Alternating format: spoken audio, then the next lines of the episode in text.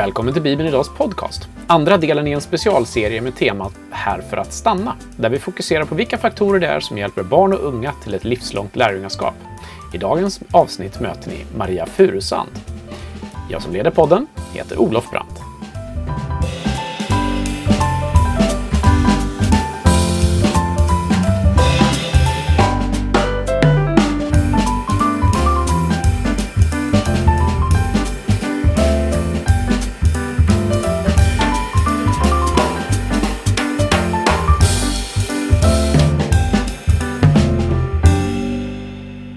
Då var ni varmt välkomna tillbaka till Bibeln Idags podcast. Och idag, i coronatider som det ju är, så har vi eh, satt oss på coronasäkert avstånd med dagens gäst.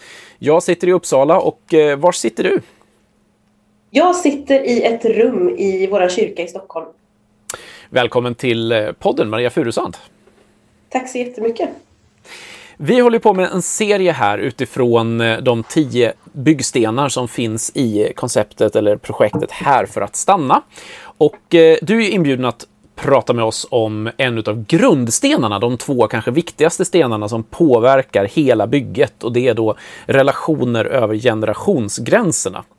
Så det är temat för dagens samtal. Men innan vi kommer dit, så eh, för den som inte känner dig, hur skulle du vilja presentera dig?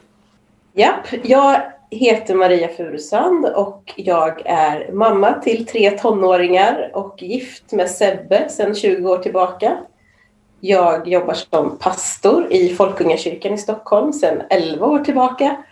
Och eh, jag älskar att springa. Jag tycker väldigt mycket om att laga mat, ha människor runt köksbordet. Det är lite svårare. Mm. Vi har haft väldigt få människor runt vårt köksbord det här året. Men eh, ja. Mm. Eh, ja, lite om vem jag är. Det är Maria Furusand. Jag har ju fler sidor såklart. Men... ja, de, de kanske dyker fram här längs vägens gång, vi får se. så kan det vara, så kan det vara. Ja. Eh, vi har valt att fråga samma fråga till alla som är med i just den här serien och det är just varför har du valt att stanna? Vad var det som gjorde att du blev kvar i tron? Vad om du tittar tillbaka till din egen vandring, hur ser den ut?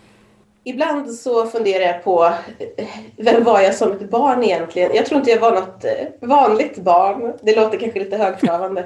Eh, jag, alltså som väldigt ung så eh, jag har alltid varit kristen. Och mm. som fyraåring så var min dröm att få bli pastor. Och min stora förebild var Gunnar som var pastor i min kyrka när jag var liten. För han hade frimärksskjorta. Eh, och det var liksom, det var en målbild jag hade. Eh, och jag vet att jag eh, 1983 fick jag mitt första nya testamente, då var jag fem år gammal. Jag vet att jag stoppade ner det i en ryggsäck och tog min lilla cykel och cyklade ett varv runt kvarteret. Och jag, jag hade en så medveten tanke om att jag skulle ha den där bibeln med mig för att jag kanske skulle behöva berätta för någon om Jesus. Eh, så att jag, jag har alltid varit kristen eh, och jag har haft en ganska jämn lunk med Jesus hela livet. Inga så här, supertoppar och inga superdalar utan ja, men, vi är på en ganska jämn vandring, eh, Jesus och jag. Eh, men en av de bidragande faktorerna till att jag är här för att stanna, det tror jag är att eh, redan den lilla Maria som var så här superkristen eh, blev tagen på allvar mm. eh, av mina föräldrar och av Gunnar då, min pastor. Eh, som hade dopsamtal med mig när jag var jätteung eh, och döpte mig när jag var åtta år. Jag ville det så innerligt gärna. Eh, och eh, att jag sen fick hjälp att komma till olika sammanhang där eh, tron blev tagen på allvar, där jag blev utmanad i min eh, radikala, lite kategoriska tonårstro. Ja, men där fick jag finnas i sammanhang där jag blev utmanad. Mina föräldrar körde mig 11 mil enkel resa flera fredagskvällar för att jag skulle få vara i, i sammanhang som jag behövde finnas i. Eh, ja. Och sen tänker jag att jag fortsatt så.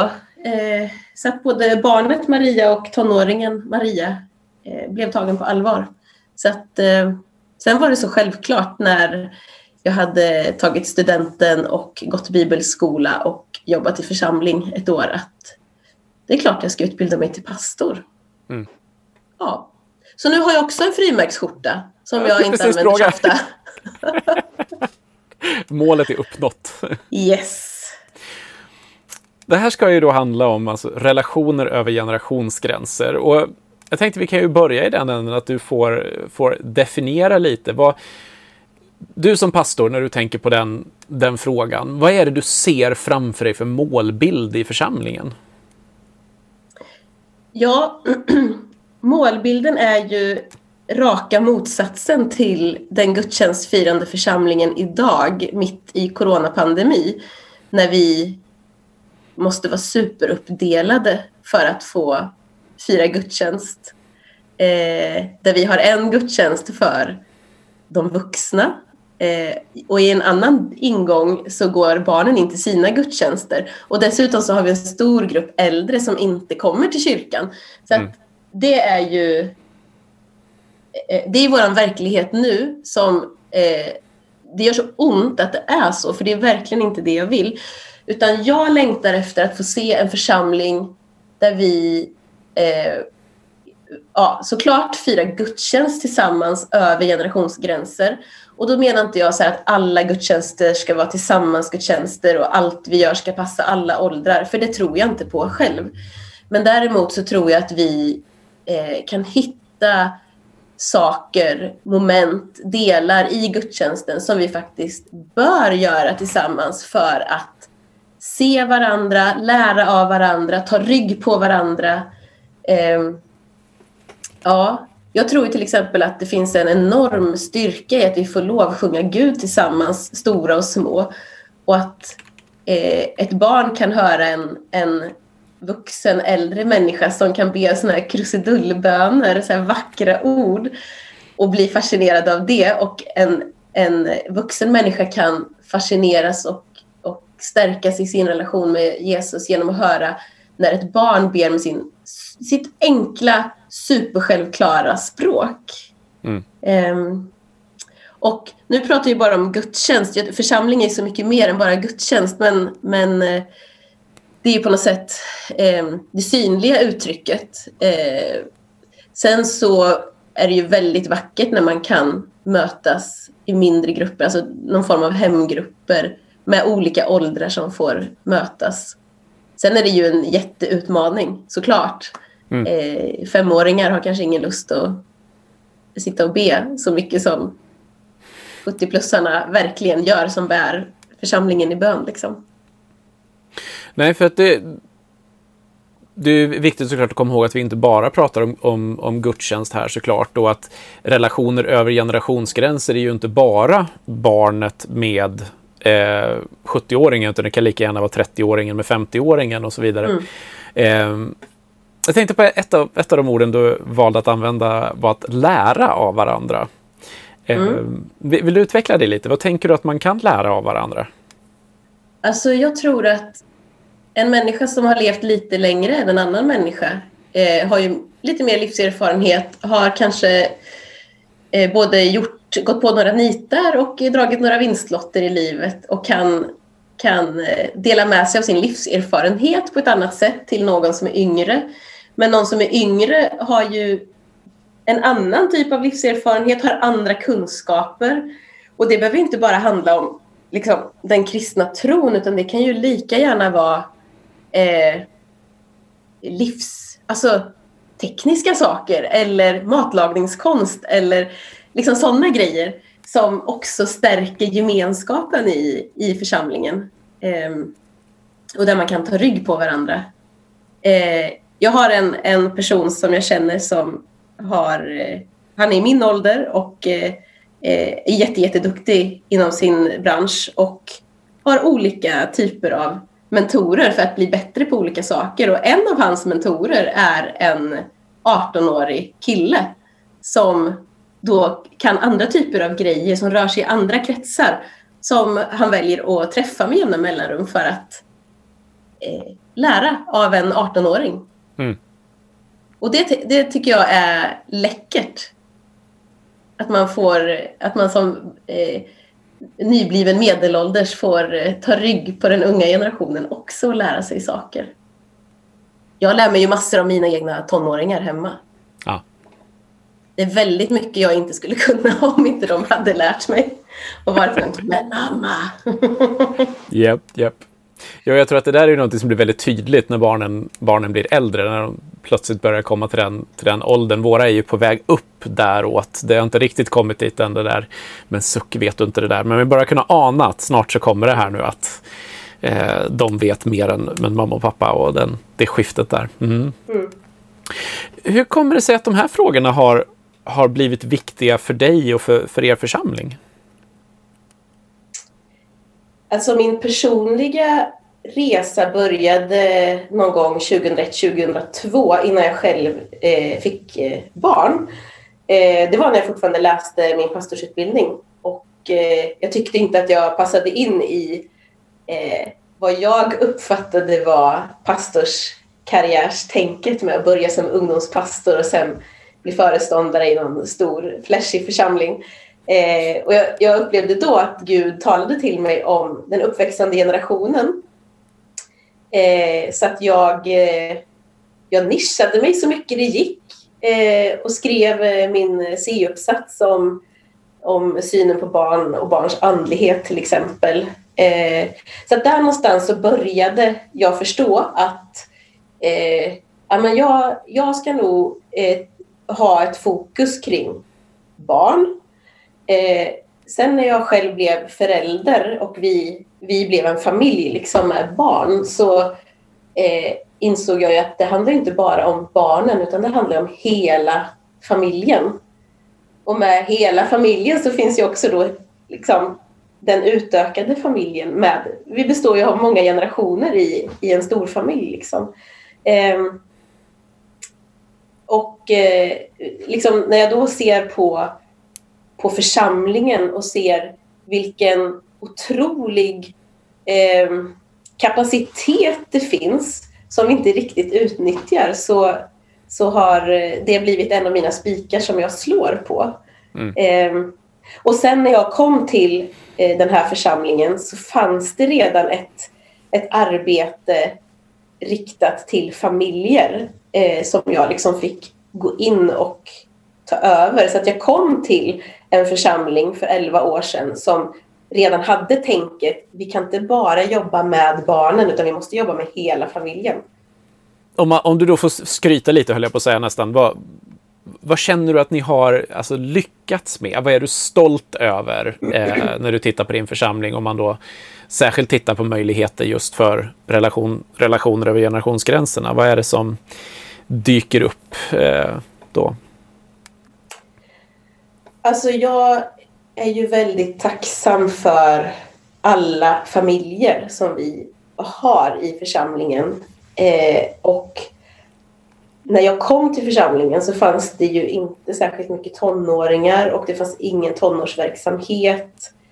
Eh, det fanns liksom en, ehm, en ehm, ska säga tradition, för det är det ju inte. Men lite så här, när barnen kom upp i tonåren så flyttade man över till en annan församling med mer tonåringar. Eller som det är i Stockholm, att det är många som när barnen blir äldre som flyttar härifrån för man flyttar till sin hemstad eller till någon annan plats. Eh, det är ju mm. jättevanligt att gamla Stockholmsstudenter bildar familj här och sen flyttar de härifrån. Men eh, jag känner mig väldigt, väldigt tacksam över att vi idag har en stor tonårsgrupp mm. som består av de barnen som var små när, när jag kom hit och vi började jobba väldigt medvetet och strategiskt för att bli en församling där barn och föräldrar trivs. Och sen har vi tusen saker till som vi kan jobba på och bli bättre på. Jo, jo. Men det är jag väldigt, eh, väldigt eh, glad och tacksam över att vi idag har mm. en tonårsgrupp och fortfarande har vi ju många eh, familjer. Eh, men det föds inte lika många barn nu som för ett visst antal Nej. år sedan.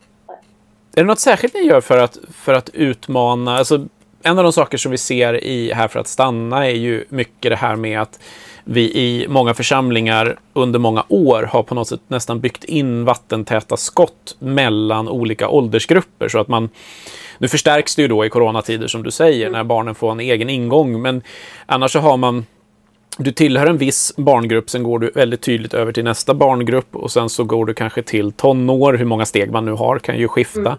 Och sen så går man kanske upp som ung vuxen och sen tar man eh, i många fall steget till familj och sen blir man med. Alltså, och sällan möts de här, pensionärs, pensionärerna möts, ja, möjligtvis då på, på gudstjänst att man är i samma lokal då, men i övrigt så, så kanske man inte träffas så mycket i där man faktiskt möter människor från andra generationer. Eh, är det någonting ni, ni tänker på att försöka vad säger, motarbeta eller hur tänker ni kring det här? Jag kan bara eh, hålla med om att kyrkan är ganska ålderssegregerad och jag, det är så många gånger jag har hört det här uttrycket att eh, i vårt väldigt ålderssegregerade samhälle så är kyrkan den enda platsen där olika åldrar fortfarande möts. Och det tänker jag är en sanning med modifikation. Mm. Eh, för vi är också extremt duktiga på att, att eh, göra vattentäta skott som du säger. Jag skulle säga att, att det vi har jobbat mest med det, det är ju att fira gudstjänst tillsammans. Att alltid, att hela församlingen börjar gudstjänsten tillsammans eh, i lovsång eh, och bön. Ehm, så att både stora och små finns med där. Och sen avslutar vi tillsammans med kyrkfika i vanliga fall när allt är som mm. förr i tiden.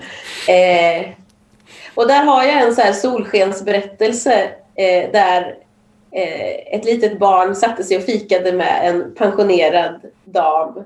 Och de hade ett jättehärligt samtal tillsammans. Eh, och det är klart att samtalet för en vuxen människa man får ju driva samtalet med ett litet barn i många fall. Eh, men bara det här att, att eh, lyssna på barnens tankar och reflektioner och eh, kanske att ett barn frågar eh, den vuxne någonting också. Eh, men det är inte lätt. Och det är inte, liksom, det, det, är inte något som är självklart här utan vi, eh, det är sånt vi måste jobba med. Mm.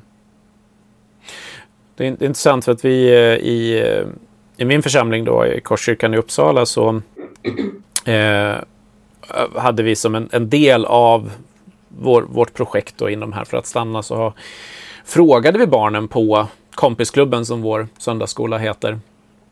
Eh, frågade vi dem hur många vuxna som hade hälsat på dem.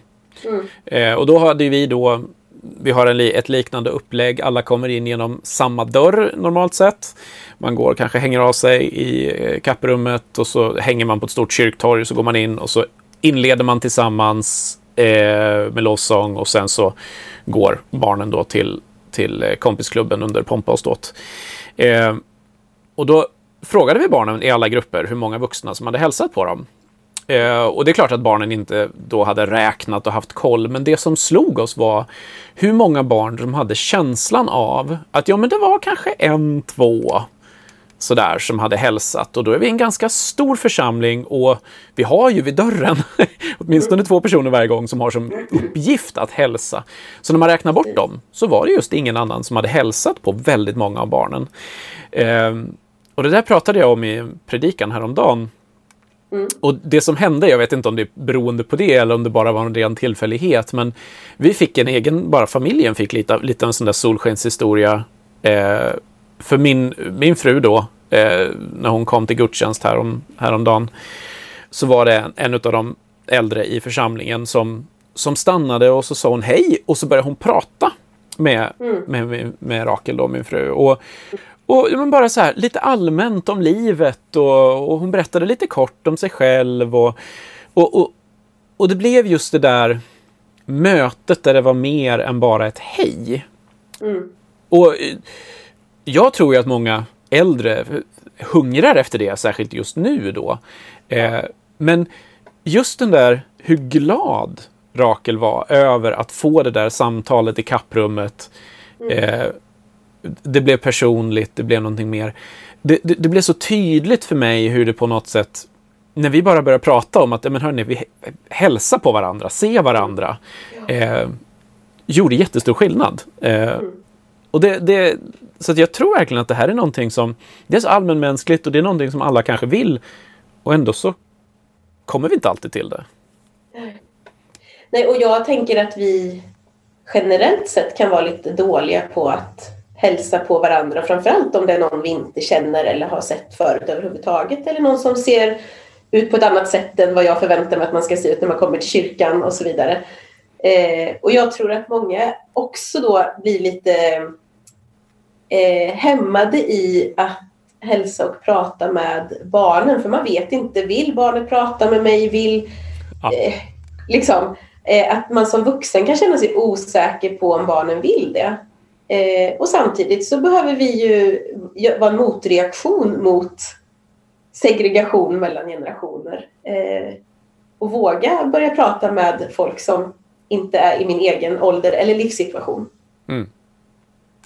Men det tänker jag är så här, en superviktig grej. Och nu jobbar jag som pastor i en församling. Så att jag, jag tar liksom det ansvaret på mig. Men jag brukar säga det till eh, ledare eh, när jag... Ja, jag hoppas att jag har sagt det till ledare i min egen kyrka också. Men eh, när jag är ute och föreläser. Det kan ju lätt bli så att man säger saker till andra som man inte riktigt kanske säger i sin egen församling. Eh, men jag, jag menar det i min egen kyrka också att lära sig namnet på ja, minst fem barn i alla fall, eller fem tonåringar eh, för att få den uppväxande generationen att känna att det här är min kyrka, människor eh, ser mig, vill prata med mig, vill att jag ska vara här. Jag... Och likadant så kan det ju vara åt andra hållet då, att man uppmuntrar yngre människor eh, unga vuxna, tonåringar, ja men lär dig namnet på några av pensionärerna och säg hej med namn till personen. Ja, nej verkligen. Alltså namn är ju någonting som, som det, det är så mäktigt att vara känd vid namn. Mm. Yeah. Eh, och och det, det, lustiga här att, att det är någonting jag märker när vi pratar om de här och det kommer jag tro om ni lyssnar på hela den här serien med intervjuer eller tittar på serien på, på Youtube eller hur ni nu gör, eh, där det också finns en serie med de här olika stegen i, i Här för att stanna, så är det många stegen som är ganska självklara. Eh, många saker som vi kanske tycker till och med att vi redan gör till viss del som vi bara kan göra lite mer av. Och det här är ju ytterligare ett sånt jag, menar, jag tror inte det är någon som skulle säga emot om vi ställer oss upp i en församling och säger hörni, jag tror att, att folk känner sig mer sedda om man, om man lär sig deras namn. um, så, så jag tror att det många gånger handlar om att på något sätt motverka en, eh, en allmän eh, strömning eller en allmän, allmän känsla på något sätt att eh, vi, vi vill bryta lite mot mönstret här. Och jag eh, kan inte låta bli att fundera på om det är det är nog inte bara i, vår, i vår, våra församlingar som det ser ut så här, utan det är nog en del också i, i samhället i stort, att vi blir ganska anonyma på något sätt. Jag funderar på det här med, med eh, att, att, att låta eh, just tonåringarna få en roll i det här. För att det är ju verkligen en, en mellan en mellanfas mellan barn och vuxen där man kanske mer kan föra sig eller spela spelet eller hur man nu ska uttrycka sig eller sådär i eh, och, och, och, samtidigt vara de som vill vara lite så här normbrytare och, och sådär.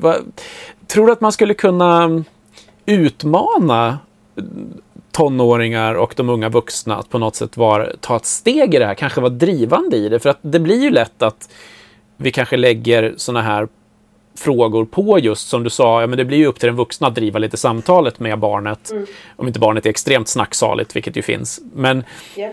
eh, vad tänker du om att blanda in tonåringar och unga vuxna i den här liksom, visionen?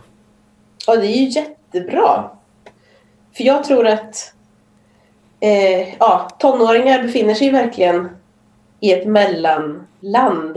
Eh, och är inte alltid så supertaggade på att gå till kyrkan eh, på en söndag förmiddag. Eh, men jag tror ju att eh, om man har eh, om man är viktig, eh, om man har en uppgift eh, och folk räknar med en så då är det också viktigt att man dyker upp på utsatt tid och att man inte bara vänder sig i sängen och stänger av väckarklockan.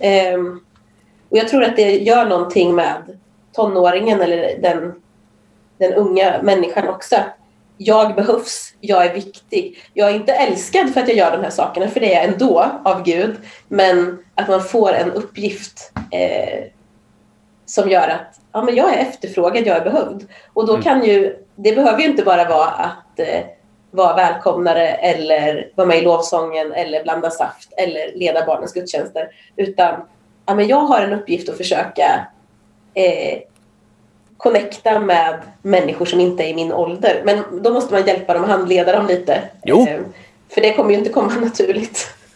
Nej, eh, och det är väl just där som jag tror att det finns en, en som jag upplever kanske en utmaning ibland, det är ju just det här som du nämnde, att vi, kyrkan är kanske den plats i samhället där olika generationer möts mer än någon annanstans.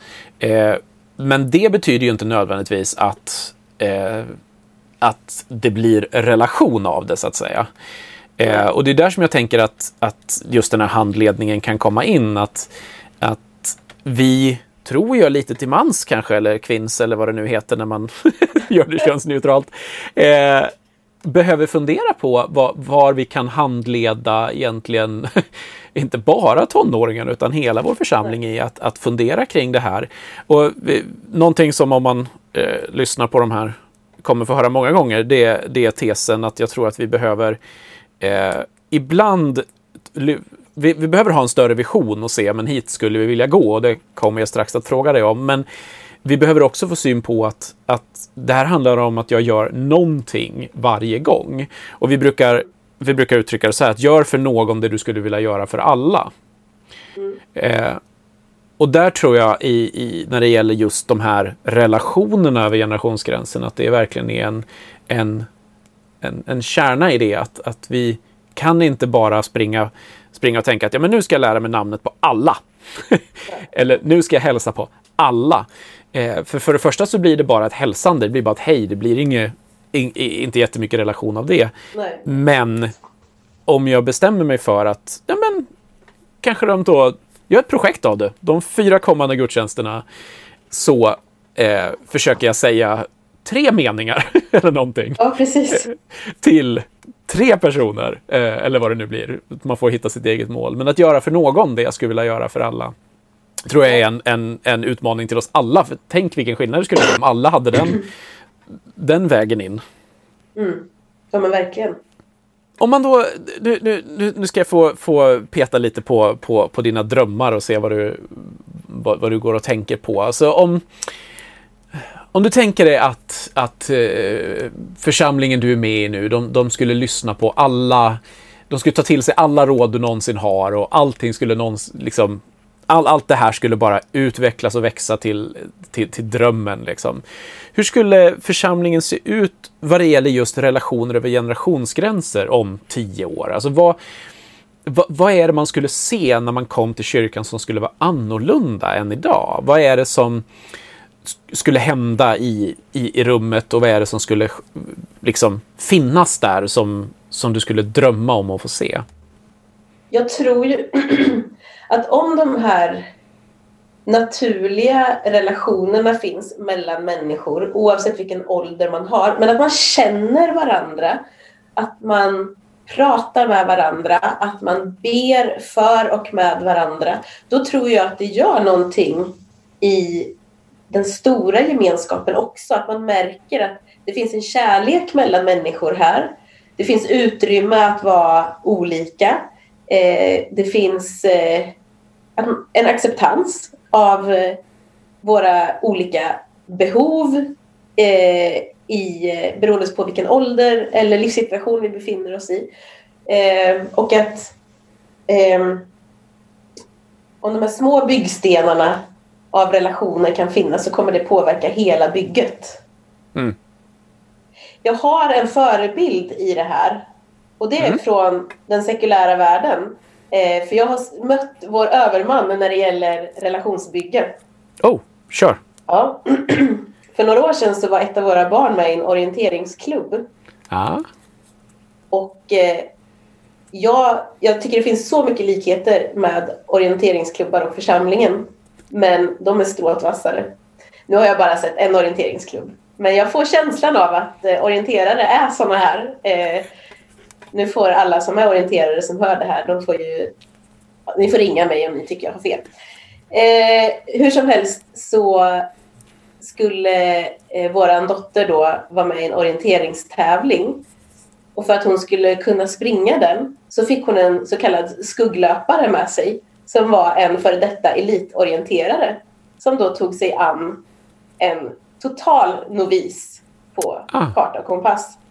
Och som med glädje sprang tillsammans med henne och visade henne hur hon skulle passa in karta och kompass och ta alla kontroller. Eh, och det tänker jag så här, wow, det är så det funkar fattar jag det som. Eh, och sen i, i orienteringsklubben där vi bor så en dag i veckan så samlas man till kanske motsvarigheten till gudstjänst. Eh, fast på en vardagskväll. Eh, när hela klubben utorienterar samtidigt.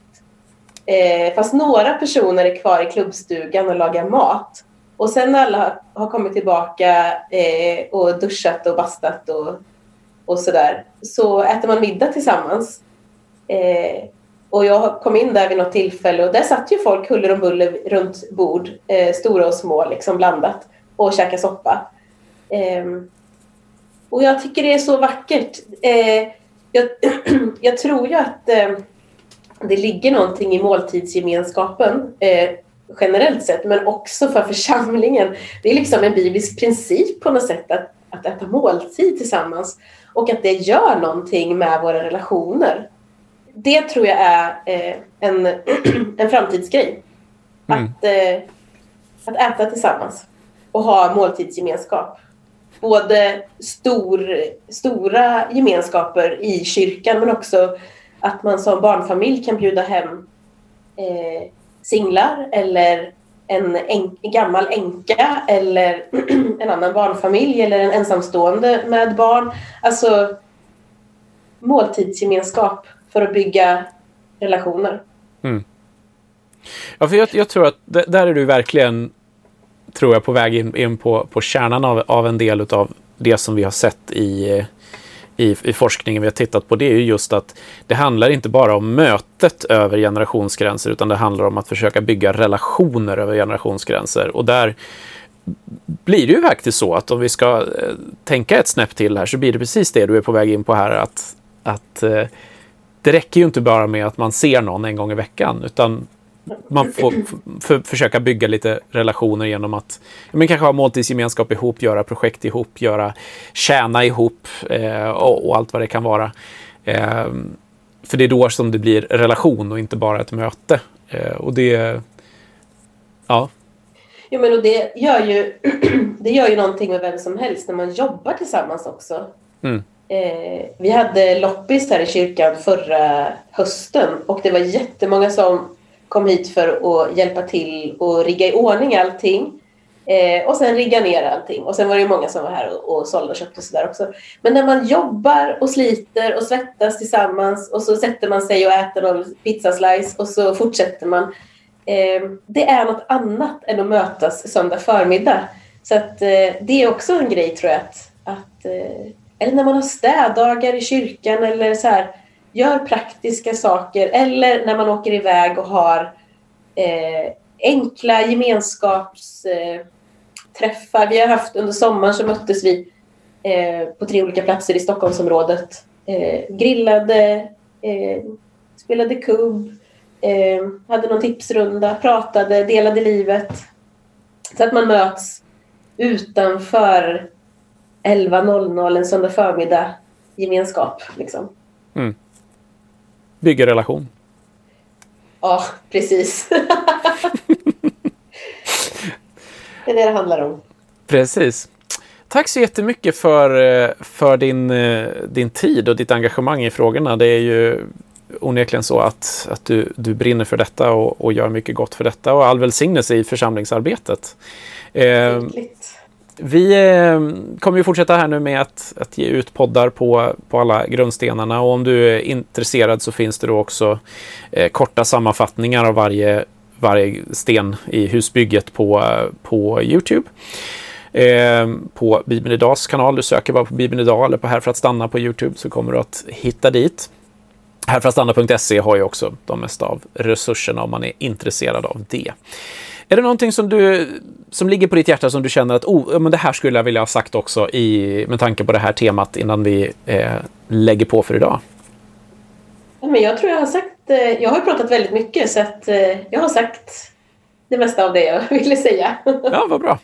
Eh, men då så tackar jag dig och eh, ja, vi hörs igen och eh, vi tackar dig som har lyssnat. Vi hoppas att det har varit en utmanande och eh, ja, idégivande podd och framförallt så säger jag att eh, kom ihåg eh, att göra för någon det du skulle vilja göra för alla är, är liksom sättet att komma igång, att, sättet att börja, att det inte får bli ett stort berg av saker som man borde göra utan att det börjar någonstans är ett bra sätt att komma igång. Så tack så mycket!